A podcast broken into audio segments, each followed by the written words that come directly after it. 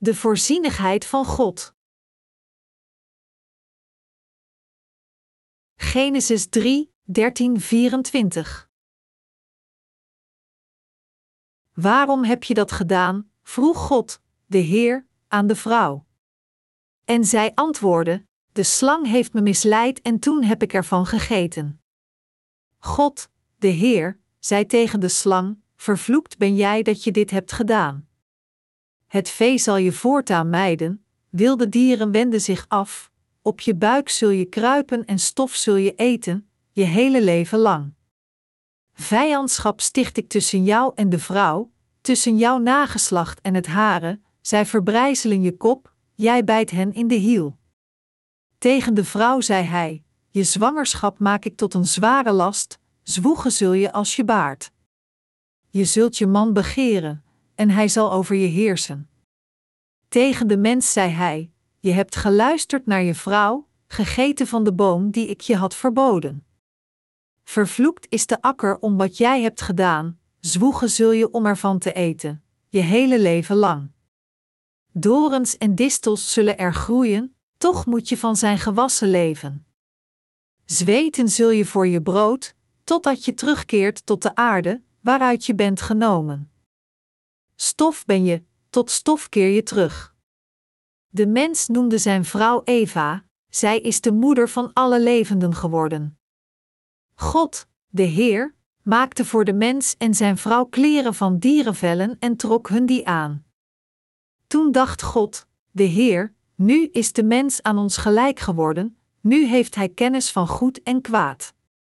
Nu wil ik voorkomen dat hij ook vruchten van de levensboom plukt, want als hij die zou eten, zou hij eeuwig leven.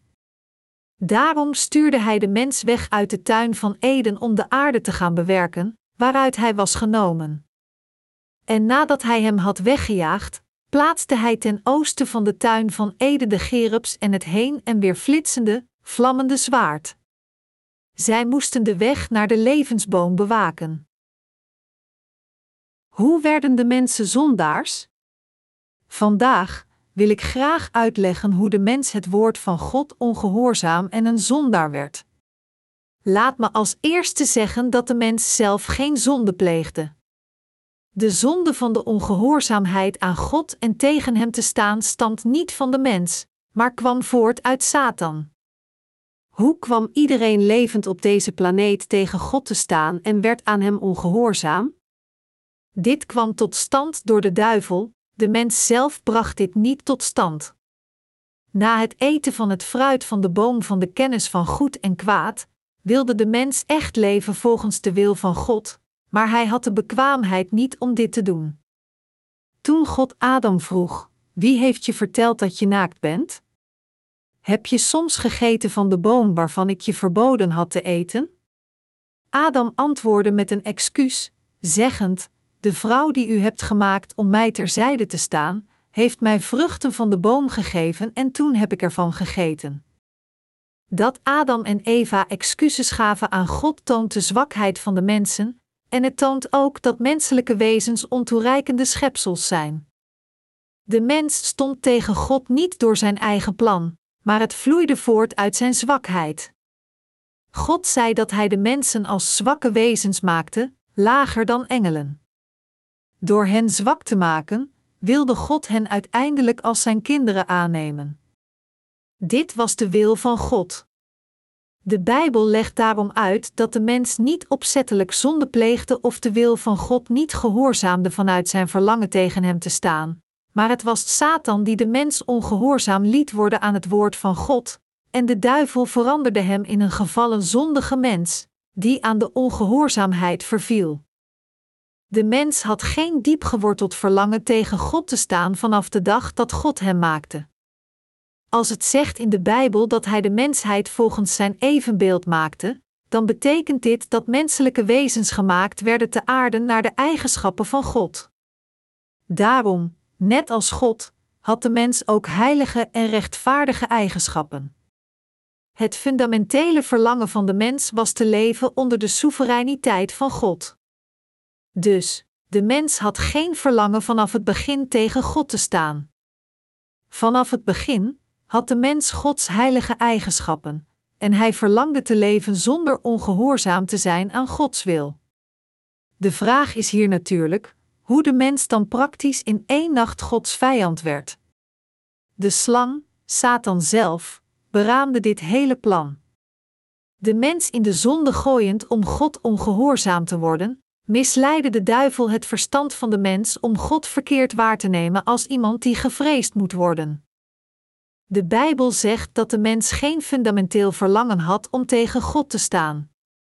Mijn medegelovigen, we moeten deze waarheid begrijpen en erin geloven. Het was niet de mens zelf die fundamenteel tegen God stond, maar het was de duivel, de slang, die hem tegen God liet staan door hem te misleiden. Satan is diegene die door allerlei methodes het menselijke hart ongelovig liet worden aan God en tegen hem liet ingaan. Als zodanig, wanneer we met diegenen omgaan die nog niet zijn wedergeboren, moeten we beseffen dat het is omdat zij misleid en gemanipuleerd worden door de duivel dat zij dergelijke dwaze overtuigingen hebben. Daarom, de intriges van Satan moeten overwonnen worden door ons geloof in het geschreven woord van waarheid. De voorgangers in Gods kerk moeten iedereen onderwijzen in het woord van God, en zij moeten iedereen van hun zonde bevrijden. Ieder van ons moet Gods werk van rechtvaardigheid met geloof doen. Duivel, je zult voor eeuwig stof eten. Laat ons kijken naar Genesis 3 uur 14 uit de geschrifte passage van vandaag. God, de Heer, zei tegen de slang: Vervloekt ben jij dat je dit hebt gedaan. Het vee zal je voortaan mijden, wilde dieren wenden zich af, op je buik zul je kruipen en stof zul je eten, je hele leven lang. Het was Satan die de mensen van deze wereld leidde om vervloekt, te lijden, naar de hel gaan en vernietigd te worden. God zei dat diegene die de vloeken naar de mensheid bracht de slang was. God veroordeelde de slang omdat hij de mens naar het ongeloof had geleid. God specificeerde de zonde van de slang, zeggend: Jij hebt dit de mens aangedaan, en gaf zijn vonnis van vloeken. Hij zei: Slang, je bent meer vervloekt dan al het vee en de andere beesten. Je zult kruipen op je buik en stof eten, je hele leven lang. Voordat Satan, die feitelijk een engel was genaamd Lucifer, God uitdaagde, leefde hij zich voedend met het woord van God. Maar nu werd hij vervloekt door de zonde en moest hij voor eeuwig stof eten. God had engelen gemaakt die leefden door zich te voeden aan zijn zegeningen, maar nadat Satan de mens aan de zonde liet vervallen, vervloekte God hem om alle dagen van zijn leven stof te eten.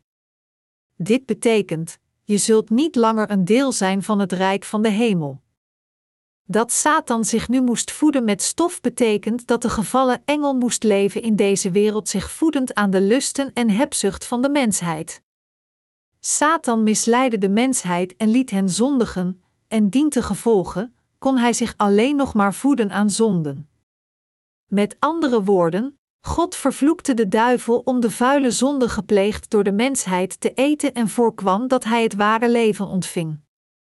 God sneed hem compleet af, zodat hij nooit meer het geestelijke brood van de hemel kan eten of de zegeningen die van hem komen.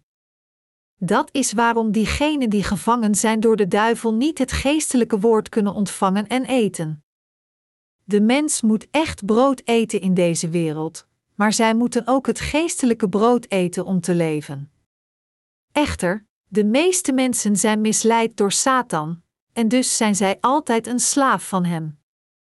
Zelfs diegenen die niet zijn wedergeboren verlangen er naar het heilige woord van God te eten. Maar God zegt dat Hij zijn geestelijk brood had verstopt zodat zij er nooit van konden eten. Genesis 3 uur 24 zegt: En nadat Hij hem had weggejaagd, plaatste hij ten oosten van de tuin van Eden de gerubs en het heen en weer flitsende, vlammende zwaard. Zij moesten de weg naar de levensboom bewaken. Geen zondaar kan de waarheid in de Bijbel zelf vinden, noch kan hij het eten. God staat hier zelf garant voor. Satan heeft complete heerschappij over alle zondaars. Dat is waarom deze zondaars geen kennis hebben over de waarheid van het geestelijk evangelie van de hemel. Dit betekent dat toen God Satan en zijn dienaren had verteld zich alleen te voeden met stof hun hele leven lang, dit strenge woord dienovereenkomstig werd vervuld. Sinds God Satan en zijn dienaren alleen toestond zich te voeden aan de vuile zonden, kunnen de duivel en zijn aanhangers het geestelijke rijk van de hemel niet zien. Zelfs de valse profeten en de duivelskinderen die hem volgen proberen het geestelijke woord van God door geloof te eten, maar dit is te vergeefs. Terwijl Gods kinderen die in zijn kerk verblijven het evangelie van het water en de geest hebben ontdekt, dat wil zeggen, de waarheid van de vergeving van zonden van de Bijbel, en het als hun brood hebben aangenomen, kunnen de kinderen van Satan het niet zien ondanks hun ogen en niet horen ondanks hun oren. Ondanks dat zij zoveel christelijke boeken lezen en naar zoveel tapes luisteren, kunnen zij het mysterie van de waarheid, het evangelie van het water en de geest, nog zien nog horen. Dat is waarom zij tot nu tot nog niet in staat zijn te geloven in het ware evangelie. Diegenen die beheerst worden door de duivel voeden zich hun hele leven alleen aan stof.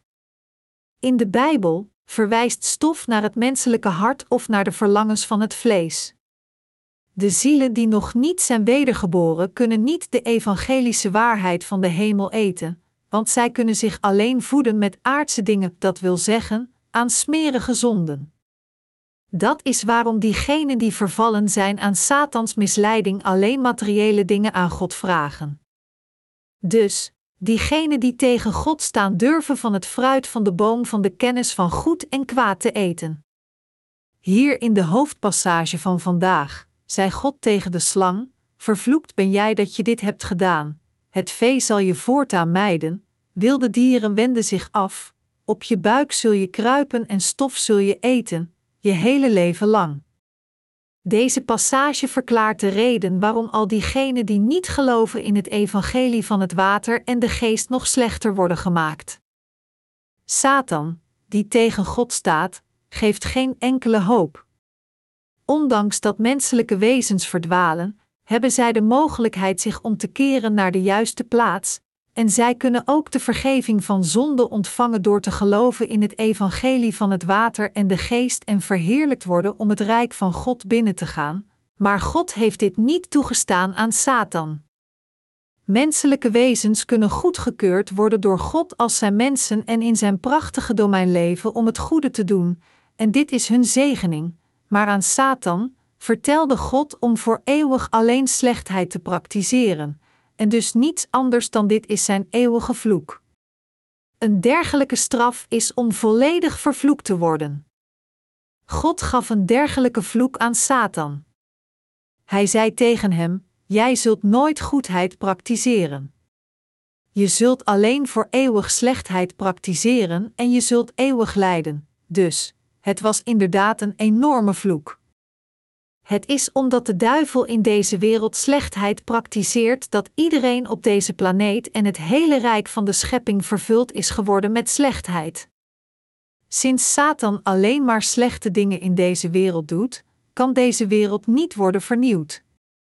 Geregeerd door deze slechte duivel, heeft deze wereld niets dat verbeterd kan worden, integendeel, het wordt alleen slechter. Dat is waarom de mensen levend in deze wereld alleen slechter worden, en diegenen die misleid worden door Satan alleen slechte daden doen. Terwijl de rechtvaardigen een rechtvaardig leven hebben te leven, voor Satan, hij is alleen ingesteld op het doen van slechte daden.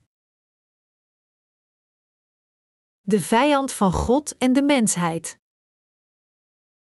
Laat ons kijken naar Genesis 3 uur 15.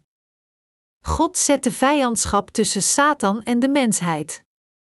Vijandschap sticht ik tussen jou en de vrouw, tussen jouw nageslacht en het hare, zij verbrijzelen je kop, jij bijt hen in de hiel, vijanden vechten tegen elkaar. De mensheid en de duivel vechten tegen elkaar als vijanden, de duivel is Gods vijand, en hij is ook onze vijand, de vijand van heel de mensheid. Echter, er is geen vijandigheid tussen de mensheid en God. Menselijke wezens zijn schepsels die God schiep met een diepgaand doel. Het is door de gevallen engel, Satan, dat de mensheid in deze wereld Gods vijanden werden. Toen God als eerste deze engel maakte, was hij niet een vijand, maar toen hij de autoriteit van God uitdaagde, veranderde hij in Satan en liet de mensheid aan de zonde vervallen. God zei tegen Satan dat hij de vijand van God is. En hij vertelde hem ook de vijand van de mensheid te worden. Dus, met zijn vastberaden hart tegen God te staan, sleepte de duivel de mensheid geschapen door God naar de hel.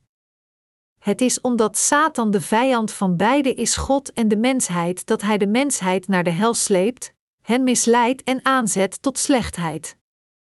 Satan probeert ons mensen te vernietigen door te voorkomen dat wij gaan geloven in het woord van God. Dat is waarom niemand moet luisteren naar de woorden van Satan.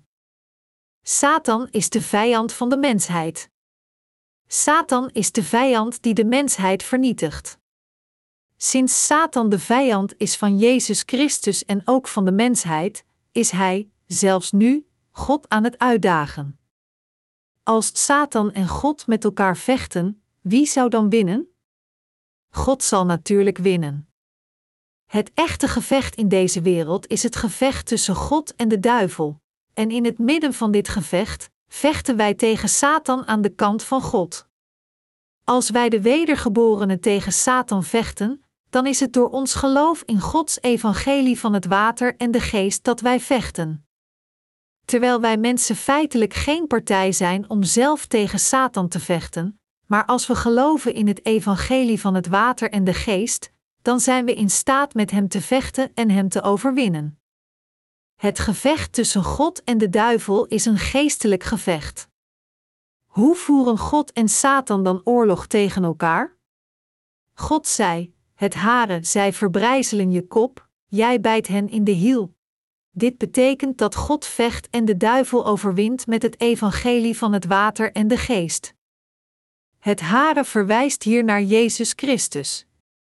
En God zei tegen de duivel: Jij bijt hen in de hiel. Toen Jezus naar deze aarde kwam en incarneerde in het vlees van de mens, dacht Satan: Het enige dat ik hoef te doen is hem te doden. Hij dacht: Als ik hem dood, dan zal ik voor eeuwig over de wereld heersen. Satans plan resulteerde echter in een complete mislukking, want Jezus stierf niet alleen aan het kruis, maar hij verrees ook weer van de dood. Toen probeerde Satan zijn heerschappij over de wereld te laten gelden door de mensheid te vangen in de misleiding, maar door het evangelie van het water en de geest faalde hij opnieuw. Toen God aanvankelijk tegen de mensen vertelde heerschappij te hebben over deze wereld, was dit een zegening die God aan de mensheid gaf. De duivel probeerde deze wereld te beheersen met zijn leugens en zijn meester te worden, maar Jezus Christus kwam naar deze aarde en incarneerde in het vlees van de mens. Dit is hoe de gelovigen in het evangelie van het water en de geest overwinnaars werden in hun gevecht tegen Satan. Het enige dat Satan bereikte was het lichaam van Jezus voor een moment te verwonden. Satan beschouwde Jezus alleen als een mens. Maar, wat gebeurde er? Jezus Christus kwam naar deze aarde, werd gedoopt, stierf aan het kruis en verrees weer van de dood. Op het moment dat Jezus weer van de dood verrees, jammerde de duivel in wanhoop: Oh nee! Ik had Jezus nooit moeten kruisigen. Het is allemaal voorbij. Het loon van de zonde is afbetaald. Ik heb mijn gevecht tegen de waarheid verloren. Jezus Christus heeft gewonnen. Hij heeft de zaligmaking van de mensheid volbracht door zijn doopsel en kruisiging. Was hij niet gekomen, dan zou ik over de aarde hebben geheerst. Omdat het loon van de zonde de dood is, moest God de zonde van de mensheid in overeenstemming met zijn wet veroordelen.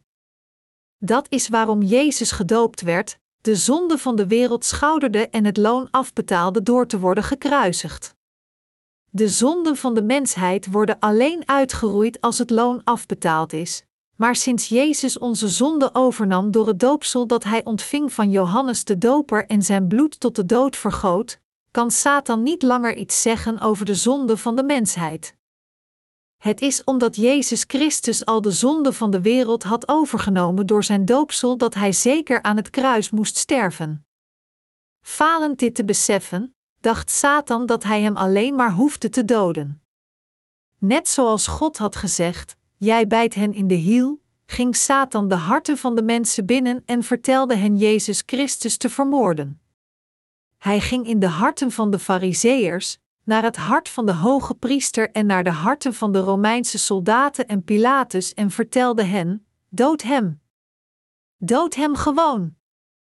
Tegen de Joden zei de duivel Jezus te kruisigen en tegen Pilatus zei hij te vergeten om te bepalen of Jezus schuldig was of niet en zijn handen te wassen en hem op te geven. Dus Pilatus nam water en weest zijn handen voor de menigte en zei: ik ben onschuldig aan de dood van deze man. Zie het zelf maar op te lossen, Matthäus 27, 24. Toen leverde hij Jezus uit om gedood te worden. Dit betekent dat hij vasthield aan zijn onschuld, maar in feite had Pilatus gefaald Jezus als de zoon van God en de verlosser van alle zondaars te erkennen en hij eindigde als een werktuig van de duivel. Volgens de overlevering werd procurator Pilatus krankzinnig nadat hij Jezus veroordeeld had, omdat zijn geweten door zijn uitspraak gekweld werd. Tijdens het proces had Pilatus tegen Jezus gezegd: Weet u dan niet dat ik de macht heb om u vrij te laten of u te kruisigen? Johannes 19 uur 10. Jezus had toen tegen hem gezegd: De enige macht die u over mij hebt, is u van boven gegeven. Daarom draagt degene die mij aan u uitgeleverd heeft de meeste schuld. Johannes 19 uur 11. Pilatus had aan Jezus gevraagd: Bent u de koning van de Joden? En de Heer antwoordde hem: U zegt dat ik koning ben. Ik ben geboren en naar de wereld gekomen om van de waarheid te getuigen, en ieder die de waarheid is toegedaan, luistert naar wat ik zeg. Johannes 18 uur 37. Dit horend, werd Pilatus gegrepen door angst. Maar ondanks dat hij angstig was, bleven de Joden hem onder druk zetten Jezus te kruisigen, en dus leverde hij hem uit aan de Joden en de soldaten volgens zijn eigen beoordeling van de situatie. De duivel spoorde hem aan, zeggend: Dood Jezus. Kruisig hem. Doe net alsof je van niets weet en geef hem over aan de dood. En Pilatus misleid door Satan, ging tegen Jezus Christus staan. Het einde van dergelijke mensen is onveranderlijk ellendig. Keizer Nero heeft naar verluid ook zijn leven beëindigd als een krankzinnige. Door de mensheid in zijn evenbeeld te maken, wilde God zijn goedheid en zijn glorie openbaren, maar met zonde bracht Satan de mensheid omlaag, waar God van hield, en hierdoor zei God tegen de duivel: Jij bent mijn vijand. Nu is het helemaal met jou gedaan. Jij bent niet meer mijn schepsel, maar jij bent nu mijn vijand, zoals er staat geschreven. Het haren, zij verbrijzelen je kop, jij bijt hen in de hiel. God had de oorlog verklaard aan Satan. Satan dacht dat hij succes zou hebben door Jezus te kruisigen, maar Jezus keerde terug en won door weer van de dood te verrijzen. Op het moment dat de duivel Jezus kruisigde, moest hij al de macht die hij voorheen had om de mensheid te beschuldigen en te controleren opgeven. Dus, als we lijken naar Matthäus 28, 18, dan zegt Jezus: Mij is alle macht gegeven in de hemel en op de aarde, net zo, is heel de autoriteit overgedragen aan Jezus Christus. Voordat Jezus de autoriteit om over deze aarde te heersen terugwon, was het de duivel die autoriteit had over de aarde. In het begin hadden Adam en Eva het, maar toen zij het verloren aan Satan, veroverde Jezus Christus wat verloren was terug door het evangelie van het water en de geest. En hij besliste de autoriteit terug te geven aan de wedergeboren heiligen, en nu heeft Jezus Christus de complete autoriteit om te heersen over hemel en aarde. Dat is waarom Jezus Christus zei dat Hij de koning der koningen is, verklarend: Mij is alle macht gegeven in de hemel en op de aarde. Ga dus op weg en maak alle volken tot mijn leerlingen, door hen te dopen in de naam van de Vader en de Zoon en de Heilige Geest. Matthäus 28, 18, 19. Dat is waarom zelfs nu de duivel vlucht wanneer dat bevolen wordt in de naam van Jezus Christus. Nu dat Satan zijn gevecht tegen Jezus Christus heeft verloren, is zijn naam de meest angstaanjagende naam voor de duivel geworden.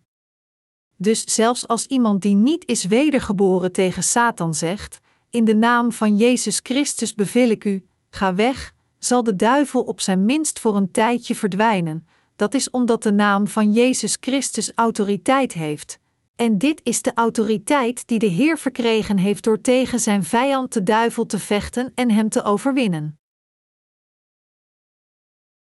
Satan brengt de vernietiging naar de mensheid. Satan blies de zonde in de mensheid en liet hen vallen, en toen zij zondaars werden, leidde hij hen uiteindelijk om tegen God te staan. Echter, Satan moet nu voor Jezus Christus en het evangelie knielen en buigen. God zei dat hij wacht tot al zijn vijanden capituleren voor Jezus Christus onder zijn voeten. Hebreeën 1 uur 13, dat de mensheid het oordeel overwint. God heeft de mensheid in staat gesteld de duivel te overwinnen door geloof in het woord. Met andere woorden, God laat ons de vijand niet overwinnen door geweld, maar door zijn ware woord van zaligmaking, het ware woord van het wedergeboren zijn. Nu Hij al de zonden van de wereld compleet heeft uitgewist, wacht Jezus Christus tot diegenen die niet geloven in Gods woord en aan de kant van de duivel staan dat zij onder zijn voet komen en veroordeeld worden. In het boek van Openbaring zien we dat God diegenen die niet wedergeboren zijn behandelt als zijn vijanden. En hij zegt dat deze mensen die de duivel volgen ook in de afgrond, gereserveerd voor de duivel, worden gegooid. Daarom moeten we in gedachten houden dat de duivel nooit onze vriend is en dat hij geen enkel voordeel aan de mensheid brengt. Maar de mensen erkennen allerlei andere goden naast God. Echter, deze goeden zijn het handwerk van Satan en zijn transformatie. Ongeacht hoe prachtig ze ook lijken in de ogen van de mensheid, alle valse goden komen voort uit Satan. Dat is waarom de Bijbel waarschuwt: dat is ook geen wonder, want niemand minder dan Satan vermomt zich als een engel van het licht. 2 Korintiërs 11 uur 14. We moeten beseffen dat behalve de goddelijke drie-eenheid, er geen andere God is die de mensheid zegent. Valse goden kunnen ons niet schaden zolang we niet in hen geloven, maar als we dat wel doen, dan zullen we zeker schade ondervinden. Dat is omdat de duivel de vijand van de mensheid is. Als Satan de vijand van beide is, God en de mensheid, hoe kan hij dan een voordeel zijn voor de mensheid? We moeten ons herinneren dat God vijandschap tussen Satan en de mensheid zette. Sinds God Satan als de vijand definieerde, kunnen de mensen niet gezegend worden door te geloven in Satan, noch kunnen zij genieten van de zegeningen gegeven door God. Iedereen zal veroordeeld worden tenzij hij de vergeving van zijn zonde ontvangt door te geloven in het doopsel en bloedvergieten van Jezus Christus als zijn zaligmaking, dat wil zeggen, het doopsel dat Jezus ontving van Johannes de Doper om de zonde van de wereld over te nemen, en het bloed dat hij vergoot aan het kruis als het loon van deze zonden. Gezien het feit dat Jezus Christus naar deze aarde kwam om iedereen van al de zonden te redden, hen op zich nam door te worden gedoopt door Johannes de Doper en hen allemaal uitwiste, moet niemand zich vernaderen in een dienaar van de duivel door te weigeren in dit te geloven. Als de wedergeborene tegen Satan zegt: Ik beveel u in de naam van Jezus Christus, ga weg Satan, dan ongeacht hoe sterk de duivel ook is, wordt hij compleet machteloos voor de naam van Jezus Christus en moet vluchten. Inderdaad, Satan kan niets doen tegen de naam van Jezus Christus, dat is waarom zelfs diegenen die niet zijn wedergeboren stevast de naam van Jezus Christus gebruiken als zij demonen uitdrijven. Als iemand in Jezus Christus gelooft als zijn verlosser, dan zal God hem zegenen en voorzien in al zijn noden. Mensen zeggen dat zij nog steeds gelukkig zijn zonder Jezus Christus, maar ze moeten beseffen dat er geen geluk is als zij eenmaal afdrijven van God. We moeten begrijpen dat het Jezus is die de zaligmaking, het eeuwige leven en overvloedige zegeningen aan de mensheid geeft. Alleen Jezus is de vriend en herder van de gelovigen. We moeten beseffen dat alleen deze God de goede God is, en dat alle andere goden niets meer dan vijanden zijn. Kan er iets goed zijn als men Jezus Christus en zijn kerk verlaat? Zelfs onder de wedergeborenen denken sommige mensen: nu dat ik wedergeboren ben, zou ik niet gelukkig leven voor de rest van mijn leven als ik de wereld in trek en verschillende dingen uitprobeer? Sinds ik sowieso naar de hemel ga, zou ik dan ook niet gelukkig op deze aarde leven, als ik rijk zou worden? Als we Jezus verlaten, en als we afdrijven van de zaligmaking die Jezus ons gegeven heeft door zijn doopsel en bloed, dan kunnen er alleen lijden en vloeken zijn. Er is absoluut geen geluk voor diegenen die Jezus Christus verlaten. Het is verkeerd te denken dat men gelukkig en voorspoedig kan leven na Gods kerk verlaten hebben. Niemand kan voorspoed hebben als hij Jezus verlaat. De duivel brengt lijden naar de menselijke wezens en trapt op hen. Welke vijand zou ooit wensen dat zijn vijand voorspoed heeft? Satan doet alleen alsof hij weldadig is voor de mensheid, al die tijd mensen compleet krankzinnig makend, of hen verandert in slaven van wereldlijke waarde. Hij laat de mensheid nooit met rust, altijd een ziekte of zorgen gevend. Simpel gezegd, Satan heeft absoluut geen reden om vrijgevig te zijn voor de mensheid. Onder diegenen die de vergeving van hun zonden hebben ontvangen, zijn er sommigen die bepaalde verwachtingen hebben deze in de wereld plaatsen, denkend dat de wereld op de een of andere manier vriendelijk voor hen zal zijn. Echter in realiteit, als zij bevriend worden met diegenen die niet zijn wedergeboren, dan worden zij alleen opgelicht en verkrijgen niets. Dus, als de wedergeborene denkt: ik zal gelukkiger zijn als ik de wereld inga dan gewoon in de kerk te blijven. Mijn weg zal duidelijk worden als ik de wereld inga, dan moet hij dergelijke gedachten meteen aan de kant gooien. Dit is niets meer dan een fluistering van Satan. Alle gedachten opgewekt door de duivel zijn niets meer dan leugens en ze zullen ons alleen naar de vernietiging leiden. Dat is waarom onze eigen gedachten onze vijand zijn. De wereld is geen vriend van ons. Alleen Jezus is onze goede vriend. De weg van rechtvaardigheid is een weg van strijd. Laat ons kijken naar Genesis 3 uur 16. Tegen de vrouw zei hij: Je zwangerschap maak ik tot een zware last, zwoegen zul je als je baart. Je zult je man begeren, en hij zal over je heersen. Hier zei God dat hij haar pijn van de geboorte zou vergroten. Hoeveel pijn lijden vrouwen tijdens de geboorte? Stelt u zich voor een baby in uw buik te dragen voor tien maanden. De moeder zal het natuurlijk heerlijk vinden, sinds zij heel blij is haar kind te dragen. Maar haar zwangerschap zal onvermijdelijk gepaard gaan met heel wat pijn en lijden, van het schoppen van de baby in de buik tot ochtendmisselijkheid. God zei dat het alleen met een dergelijke zware last van zwangerschap het mogelijk is dat vrouwen het leven geven aan kinderen. Hij zei ook: Je zult je man begeren, en hij zal over je heersen. Dit is ook een straf die God aan de vrouwen gaf. Na wedergeboren te zijn door het evangelie van het water en de geest, hebben we nu het verlangen de rechtvaardigheid van God vrijwillig te dienen. Het is omdat onze harten nu een geestelijk verstand hebben dat wij de geestelijke werken doen, en niet omdat we oorspronkelijk zo een verstand hadden. Alleen als we de velden van onze harten ontploegen, kan het geestelijke verstand geplant worden. Als we een rechtvaardig en gezegend hart hebben, dan moeten we geloof hebben in het woord van waarheid en rechtvaardigheid praktiseren, en dit houdt een bepaalde graad van lijden en zwoegen in. Een geestelijk leven wordt nooit geleefd zonder zwoegen. Het verlangt dat wij vechten en onze obstakels van geloof overwinnen. Verblijvend in Gods kerk en het evangelie van het water en de geest, Alleen als we strijden en onszelf overwinnen, kunnen we echt de geestelijke werken en rechtvaardigheid praktiseren door ons geloof in Zijn woord van waarheid. Voor onze God is er geen ongeluk. Er zijn geen dergelijke neigingen God automatisch te volgen en rechtvaardigheid spontaan te praktiseren. Zelfs na het wedergeboren zijn, moeten we nog steeds vechten tegen onszelf, tegen de onrechtvaardigheid, tegen de wereld, oorlog voeren tegen alle valse leerstellingen in de wereld en al onze gevechten overwinnen. Om dit te doen, moeten we het woord van Jezus Christus in ons ontvangen en we moeten aan dit woord vasthouden en erin geloven.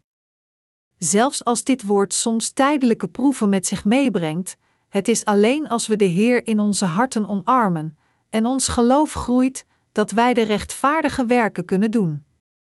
God vertelt ons dat het praktiseren van Zijn rechtvaardigheid lijden inhoudt, en dat het hebben van rechtvaardige harten en het doen van geestelijke werken ook gepaard gaat met pijn. We moeten nu beseffen dat het volgen van de Heer niet altijd gemakkelijk is en dienovereenkomstig geloven. De weg van rechtvaardigheid is de geestelijke weg van een constant gevecht, en het is de weg van constante zelfverloochening. We moeten beseffen dat het lijden met zich meebrengt om een geestelijk verstand te ontvangen. Als we in het geheim een wereldlijk verstand hebben, dan kan het geestelijk verstand niet groeien. Daarom moeten we ons zelf afvragen of we nog steeds toevlucht nemen tot wereldlijke relaties eerder dan geleid te worden door Gods kerk als we in moeilijkheden verkeren. Hoewel de rol van Gods kerk onaangenaam is voor ons vlees, is het geestelijk een voordelige weg voor ons en daarom moeten we het volgen zelfs als het lijden inhoudt dan kunnen we geestelijk oprecht zijn en een rechtvaardige weg bewandelen. Het is na dit lijden dat het geestelijk verstand vereist en de geestelijke macht wordt voortgebracht. Geestelijke kinderen worden geboren door het werk van geboorte. Hoeveel werk is het voor een vrouw het leven te schenken aan een kind? Het vereist enorm veel werk. Zonder werk kunnen wij de afstammelingen van Adam geen geestelijke kinderen baren. Net zoals een vrouw alleen het leven aan een prachtige baby kan schenken als zij pijn verdraagt, als het erop aankomt om geboorte te geven aan geestelijke kinderen, dan kan dit niet moeiteloos bereikt worden zonder wat werk. Om geestelijke kinderen te maken, moeten we het veld van het hart omploegen, zaad zaaien, onkruid wieden en het voortdurend water geven. Zoals God zei: we kunnen alleen kinderen baren als we hard werken. Geen enkel kind wordt moeiteloos geboren, want het neemt veel werk in beslag. Alleen dan kan dit ene leven geboren worden en gezond opgroeien. De wedergeborenen zijn nu de bruiden van Jezus Christus, en voor de bruiden om de kinderen van de bruidegom te baren, moeten zij werken. Wat God zei tegen Eva werd tegen niemand anders dan u en mij gezegd. We moeten hard werken om geestelijke kinderen te baren. We moeten constant het woord van God lezen, bidden en ons geloof gebruiken. Nadat we hen uit de duisternis hebben bevrijd, moeten we hen opnieuw voeden met het woord van God en voor hen zorgen. Om geestelijke kinderen te baren, moeten we werken en pijn zal erop volgen. Anders gezegd, we kunnen de Heer niet volgen zonder pijn, zelfs als we proberen geestelijke kinderen van het evangelie te baren. Hierna zei God tegen Eva dat zij haar man zal begeren. Voor de zondeval was het omgekeerd. Toen God de vrouw maakte, had Adam gezegd: Mijn eigen gebeente, mijn eigen vlees. Dus had de man feitelijk meer verlangen naar de vrouw dan zij voor hem had. Maar toen de zonde kwam, zei God dat het verlangen van de vrouw voor haar man zou zijn. Hij zei ook dat de man zou heersen over de vrouw en de vrouw zou heersen over haar man. Dit geeft aan dat onze verlangens voor Jezus Christus moeten zijn en dat we geleid moeten worden door Hem. Voor Jezus Christus moeten niet alleen onze harten, maar alles geleid worden door Hem. God zei: Je zult je man begeren, en hij zal over je heersen heerst de Heer over u, nu dat u Hem hebt ontmoet? Inderdaad, het is de Heer die over ons heerst. Wanneer onze gedachten niet rechtschapen zijn, dan wijst Hij ons hierop. Sinds de Heer over ons heerst en ons naar de weg van rechtvaardigheid leidt, hoeven wij dit pad alleen maar te volgen. Onthoud dat een vrouw geleid moet worden door haar man. Sommige mensen, zelfs nadat ze zijn wedergeboren, willen niet geleid worden door God, en dus zullen zij de kerk uiteindelijk verlaten. Maar Gods kerk is de plaats die de leiding van Jezus Christus de Koning leidt, dus, om te weigeren geleid te worden door deze kerk is de leiding van Jezus te verwerpen. Er zijn heiligen, als ook dienaren, die de bevelen van de kerk weigeren en weggaan, zeggend: Nee, dat doe ik niet. Er zijn sommige werkers die zeggen: Ik leef zoals ik wil. Ik wil de stijl van de kerk veranderen naar mijn smaak. Moet de kerk echt alleen maar dat doen? Kan het niet iets anders doen? Waarom kunnen we niet een kruis op het dak van de kapel zetten en iedereen welkom heten als een heilige? Dit is wat ik graag zou willen, maar dat is slecht. We moeten geleid worden door Jezus en doen wat Hij ons beveelt om te doen. Wat is juist? Geleid te worden door de Heer, of niet geleid te worden door de Heer? Wat maakt ons het gelukkigst? Door ons over te geven aan de leiding van de Heer, of door te leven zoals wij willen leven? Het is als de heiligen geleid worden door God door zijn dienaren dat wij het gelukkigst zijn. Hoe kunnen zij anders een correct geestelijk leven leiden, als zij niet geleid worden door Gods dienaren? Ook de dienaren van God moeten geleid worden door de leiderdienaar als zij goede dienaren willen worden. Anders gezegd, het is als we geleid worden door God dat de heiligen gemaakt worden om te voldoen als Gods volk en de dienaren gemaakt worden om te voldoen als Gods dienaren. God is de koning in deze kerk en heerst over al zijn dienaren, over u en mij. Dus niemand in Gods kerk is vrij om te doen wat hij wil doen. Als men een volger van de Heer is, dan kan hij nooit doen wat hem plezier doet, noch mag hij dat doen. In het begin kan het een goed idee lijken om door niemand geleid te worden en te doen wat men wil doen. Maar als men niet geleid wordt door God, dan zal hij uiteindelijk eindigen als een monster, met vijf ogen, tien monden en twee hoorns. Als de wedergeboren christenen niet geleid worden door God, dan zullen zij veranderen in monsters. Gods dienaren moeten ook door Hem geleid worden, want iedereen die toebehoort aan Gods volk moet geleid worden door Jezus Christus. Iedereen van het volk van God moet geleid worden door Jezus Christus in Zijn kerk. Wordt u geleid door God? Sinds God heerst over ieder van ons, word ook ik door Hem geleid. Geen wedergeboren christen doet wat zijn eigen hart plezier doet. Als hij echt het correcte christelijke leven van geloof leidt, dan wordt hij zeker geleid door God. Iemand die geestelijk zonder man is of vaderloos is, wordt niet geleid.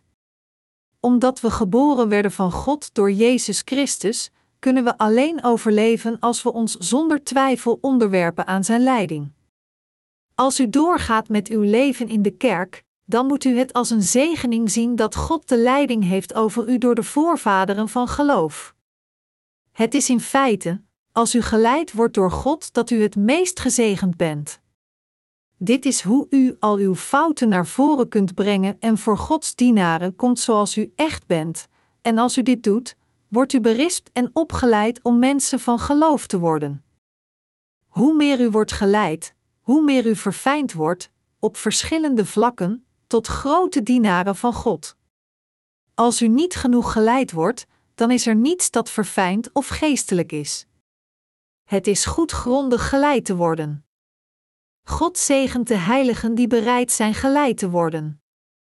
Als zodanig moeten de dienaren van God niet de heiligen in zijn kerk verlaten om te doen wat zij willen, maar zij moeten zorgvuldig hun geestelijke rol over hen uitoefenen. Onlangs waren sommige van onze broeders geneigd te denken en te handelen op zichzelf, maar toen zij zich eenmaal overgaven aan Gods heerschappij, werden hun harten meteen hersteld. Ik kan bevestigen door hun ervaring dat het is als wij geleid worden door God dat onze levens van geloof, als ook ons dagelijks leven, vreugdevol wordt gemaakt. In tegenstelling, Als de slechtheid die in onze harten wordt opgewekt niet geleid wordt, hoewel het in eerste instantie voor een korte tijd leuk lijkt, worden we uiteindelijk gekweld. Dat is waarom u geleid moet worden door God in zijn kerk. Om geleid te worden is een ware zegening, en dit is het correct leven van een christen, zoals God zei: Je man zal over je heersen. Het rechtvaardige kleed van de eeuwige zaligmaking dat voor eens en altijd werd aangedaan. Laat ons kijken naar Genesis 3, 17, 19. Tegen de mens zei hij: Je hebt geluisterd naar je vrouw, gegeten van de boom die ik je had verboden.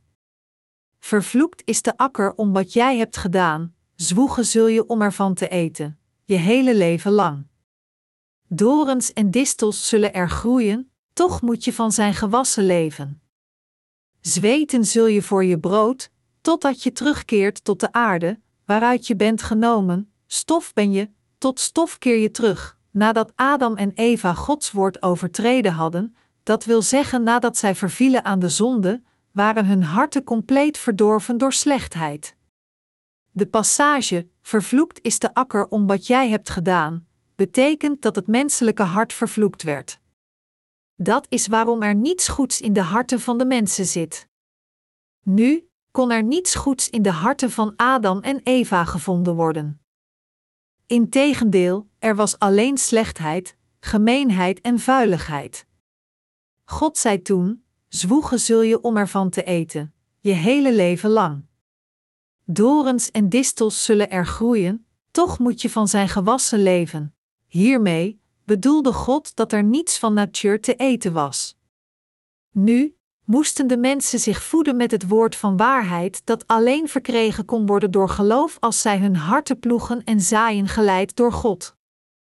God zei verder tegen Adam: Zweten zul je voor je brood, totdat je terugkeert tot de aarde, waaruit je bent genomen, stof ben je, tot stof keer je terug. Dit was de straf gegeven aan Adam.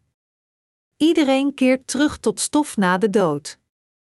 Iedereen die niet bevrijd is van zijn zonden zal in de hel worden gegooid, maar de wedergeborenen zullen voor eeuwig leven in het koninkrijk van de hemel als gezegende geesten, eerder dan terug te keren naar stof. Laat ons hier kijken naar Genesis 3 uur 20. De mens noemde zijn vrouw Eva, zij is de moeder van alle levenden geworden. De vrouw genaamd Eva werd de moeder van alle levenden. Het is door Adam en Eva dat iedereen de zonde heeft geërfd. Zij werden onze voorvader en de moeder van al de levenden. Als we onze afstamming terugvervolgen, dan kunnen we zien dat Adam en Eva onze voorouders zijn en wij hun afstammelingen zijn. Genesis 3 uur 21 zegt: God, de Heer, maakte voor de mens en zijn vrouw kleren van dierenvellen en trok hun die aan kleren van dierenvellen verwijst hier naar lederen kleding, en lederen kleding, zelfs als zij versleten zijn, kan weer genaaid en gemaakt worden.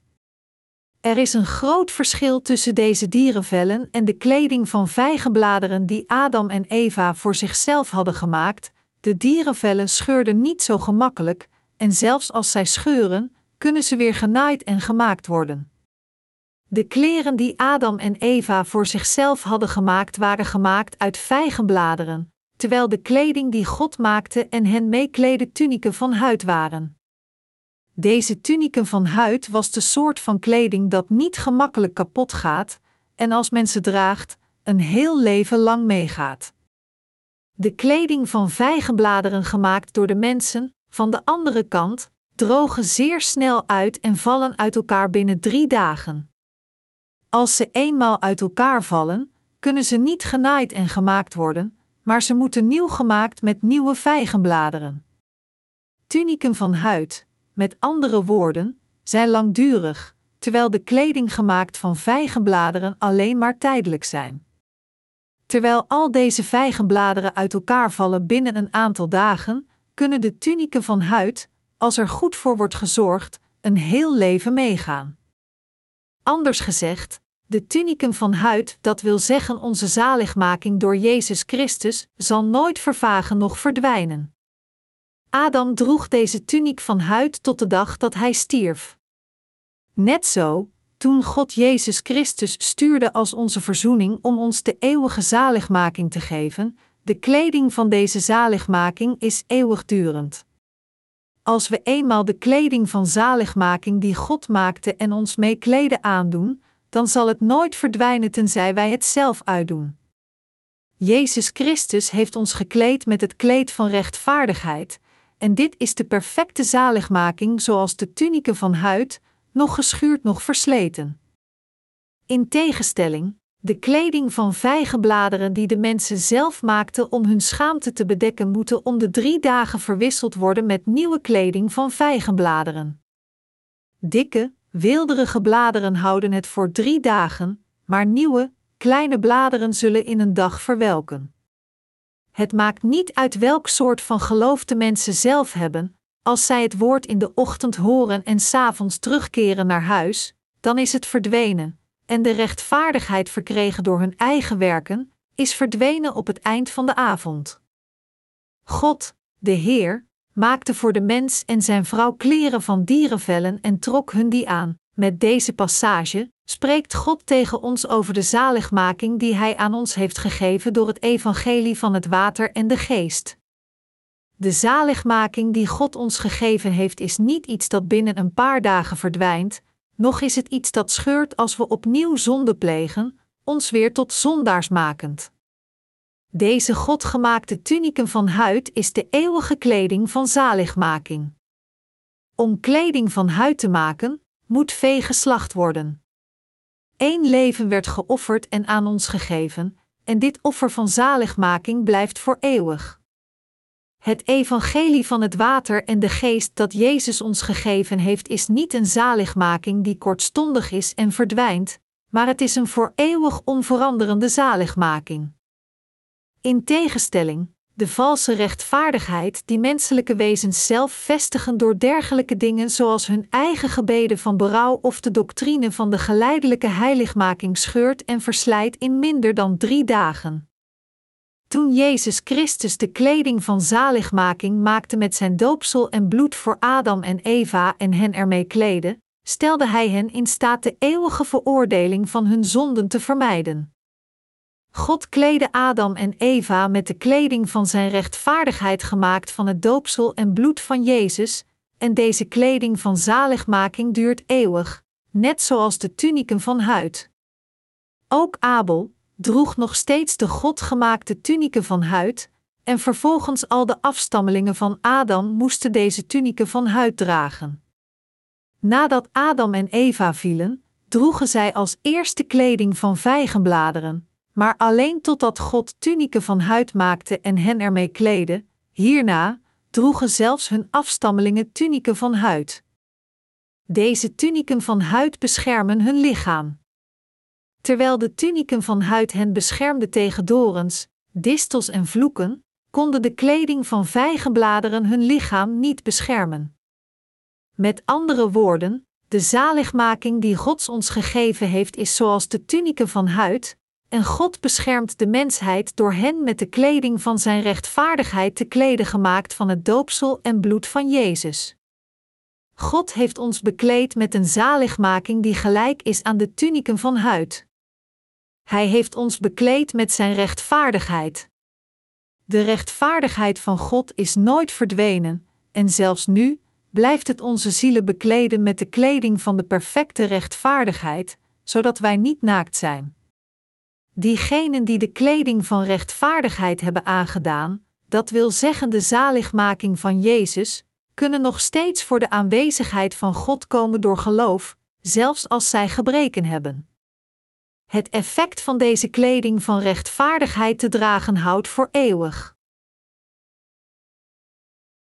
Kleding gemaakt door de mensheid. Laat ons hier verder de kleding van vijgenbladeren en de tuniken van huid getoond in hoofdstuk 3 van Genesis vergelijken. Toen Adam en Eva vielen, maakten zij kleren uit vijgenbladeren en deden deze aan, maar God maakte en kleedde hen met de tuniken van huid, nadat hij de duivel vervloekt had om Adam en Eva te laten vallen. Deze tuniken beschermden hen perfect, hen volledig beschermend en herstelden hun relatie met God. Hoewel God Adam voor zijn zonde vervloekte, maakte hij ook een tuniek van huid voor hem, zodat hij niet leed en zou wanhopen in deze wereld. Dit betekent dat ondanks dat Adam verdreven werd uit de tuin van Eden, God hem nog steeds rechtvaardig maakte om te ontsnappen aan alle zonden en vloeken. In hoofdstuk 3 van het boek van Genesis spreekt God veel over de waarheid van zaligmaking. Ten eerste scheidde hij het geloof van zaligmaking van het geloof dat de zaligmaking niet bereikt. De Bijbel concludeert hier dat de zaligmaking die de mensheid verkrijgt door vergeven te worden van hun zonde is van de tunieken van huid die God maakte, terwijl de mensgemaakte zaligmaking is van de kleding van vijgenbladeren. De laatste boodschap is dat de mensgemaakte kleding van vijgenbladeren niemand kan redden van zijn zonden. Als iemand zelf kleding van bladeren maakt om gered te worden van zijn zonden, dan moet hij deze dag na dag blijven maken, zonder enige rust. Sinds de kleding van vijgenbladeren gemakkelijk verslijten of scheuren in een dag, moet men talloze kledingstukken klaarmaken. Deze kleding van bladeren moet eindeloos gemaakt worden, men moet hen voortdurend keer op keer maken, omdat hij er nooit genoeg kan hebben. Hij moet ook constant nieuwe kleren aantrekken, twee keer per dag, drie keer per dag of zelfs tien keer per dag, zonder dat er een einde in zicht is. Sommige boosaardige mensen moeten tot tien keer per dag nieuwe kleren aantrekken en dan is deze wereld nog steeds niet genoeg. In tegenstelling, de tuniken van huid gemaakt door God zijn voor altijd, als men ze aandoet, dan hoeft men geen nieuwe kleren meer aan te doen. Deze tuniken gaan voor een maand, een jaar, twee jaar, drie jaar, een decennium voor een eeuwigheid mee. Het is een feit dat zij nooit verslijten. Als het op de zaligmaking die onze zonde wegneemt aankomt, dan zijn deze tuniken van huid zeer verschillend van de kleren gemaakt van bladeren. Met andere woorden, de mensgemaakte zaligmaking van zonde en de godgemaakte zaligmaking van zonden zijn door en door verschillend. Mensen geloven, men wordt gered door het geven van de gebeden van berouw en heilig gemaakt, en zij proberen hun schaamte, door een dergelijk leven van geloof te leiden, te verstoppen. Anders gezegd, zij maken en dragen constant kleding van een onvolmaakte zaligmaking.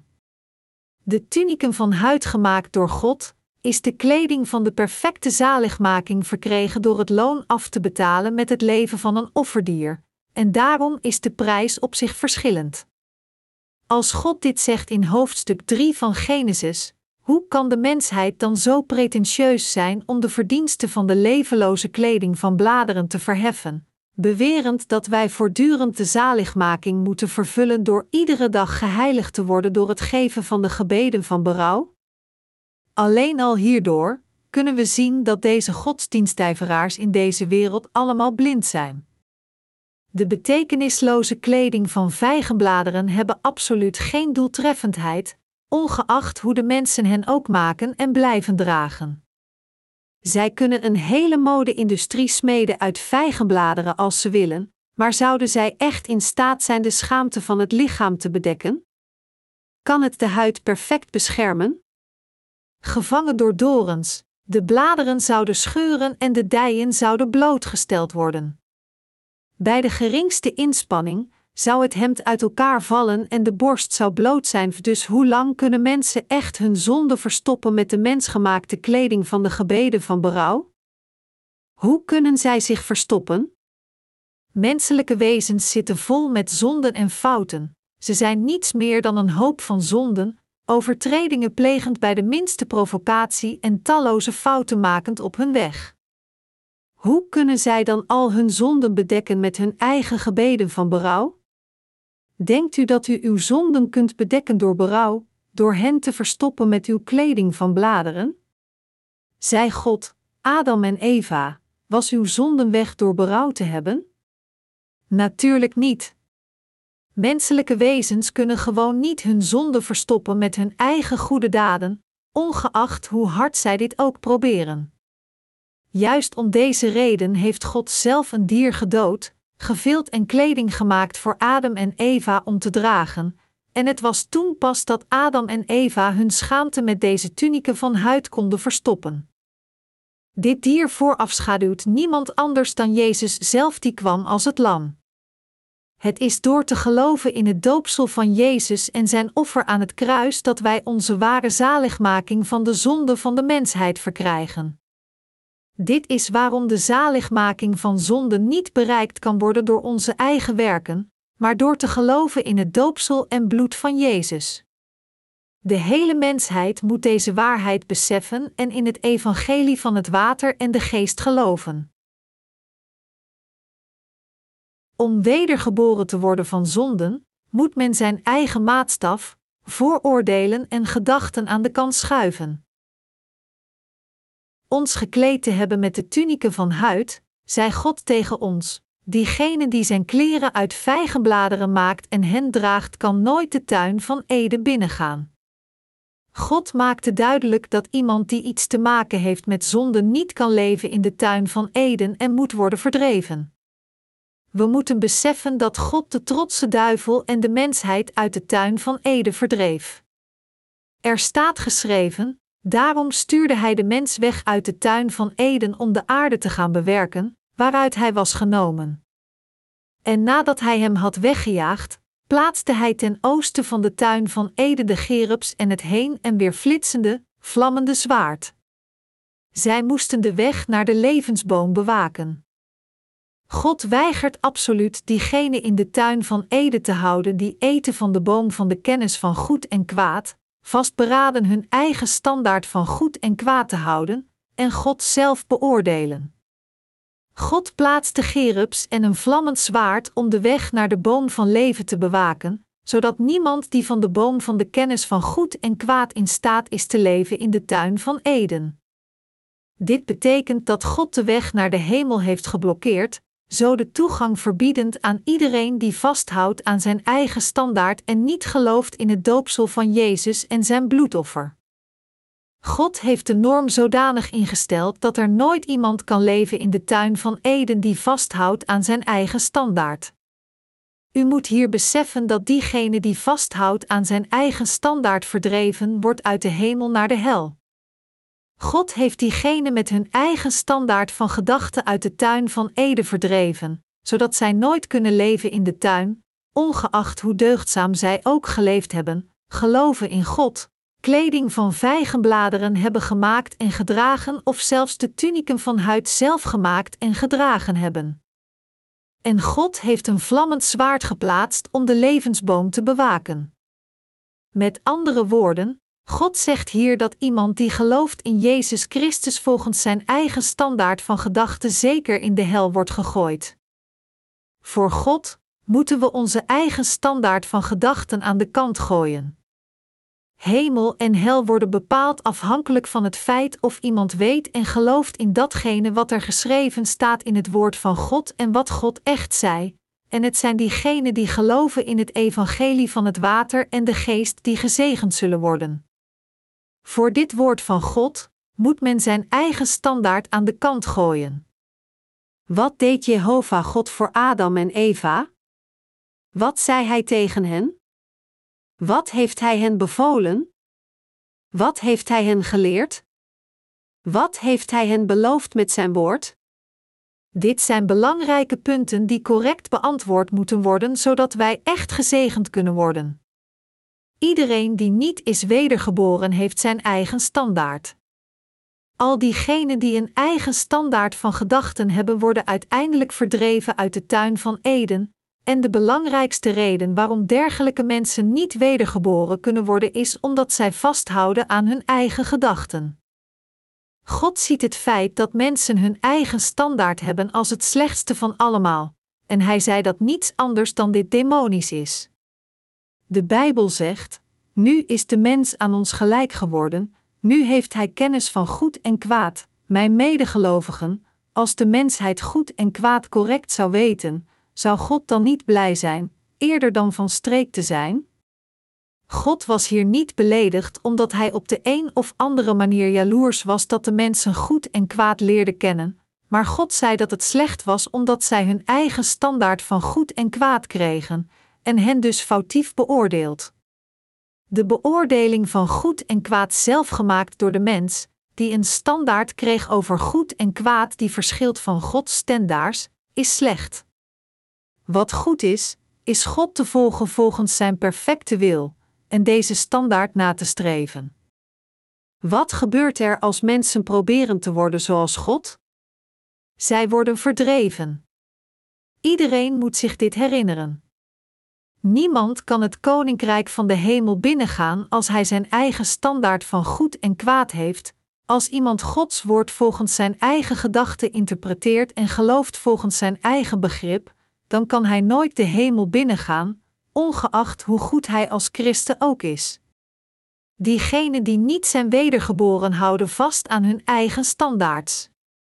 Dat is waarom er tegenwoordig, ondanks dat er veel christenen zijn, er maar weinigen de hemel kunnen binnengaan. Diegenen die voorspellen, demonen verdrijven en wonderen doen gebaseerd op hun eigen standaard zijn feitelijk wetteloosheid aan het praktiseren, en voor deze zonden worden zij verlaten door de Heer. Iedereen in de wereld moet zich dit herinneren, om de eigen gedachten als de standaard van goed en kwaad te nemen is de weg naar vernietiging. De enige manier om te leven is te geloven in de absolute God en in het evangelie van het water en de geest gegeven door Hem. Alleen God is het deugdzaamst, Hij alleen is het heiligst en het eerlijkste. Op het einde van hoofdstuk 3 van Genesis zegt God tegen ons onze eigen standaard van goed en kwaad aan de kant te zetten, dat wil zeggen onze eigen gedachten te negeren. Hij zei tegen alle mensen dat als zij in de prachtige tuin van Ede willen leven, zij deze standaard genaamd hun eigen gedachten aan de kant moeten zetten. Als, van de andere kant, zij niet in Gods koninkrijk van de hemel willen komen, dan moeten zij hun eigen standaard houden.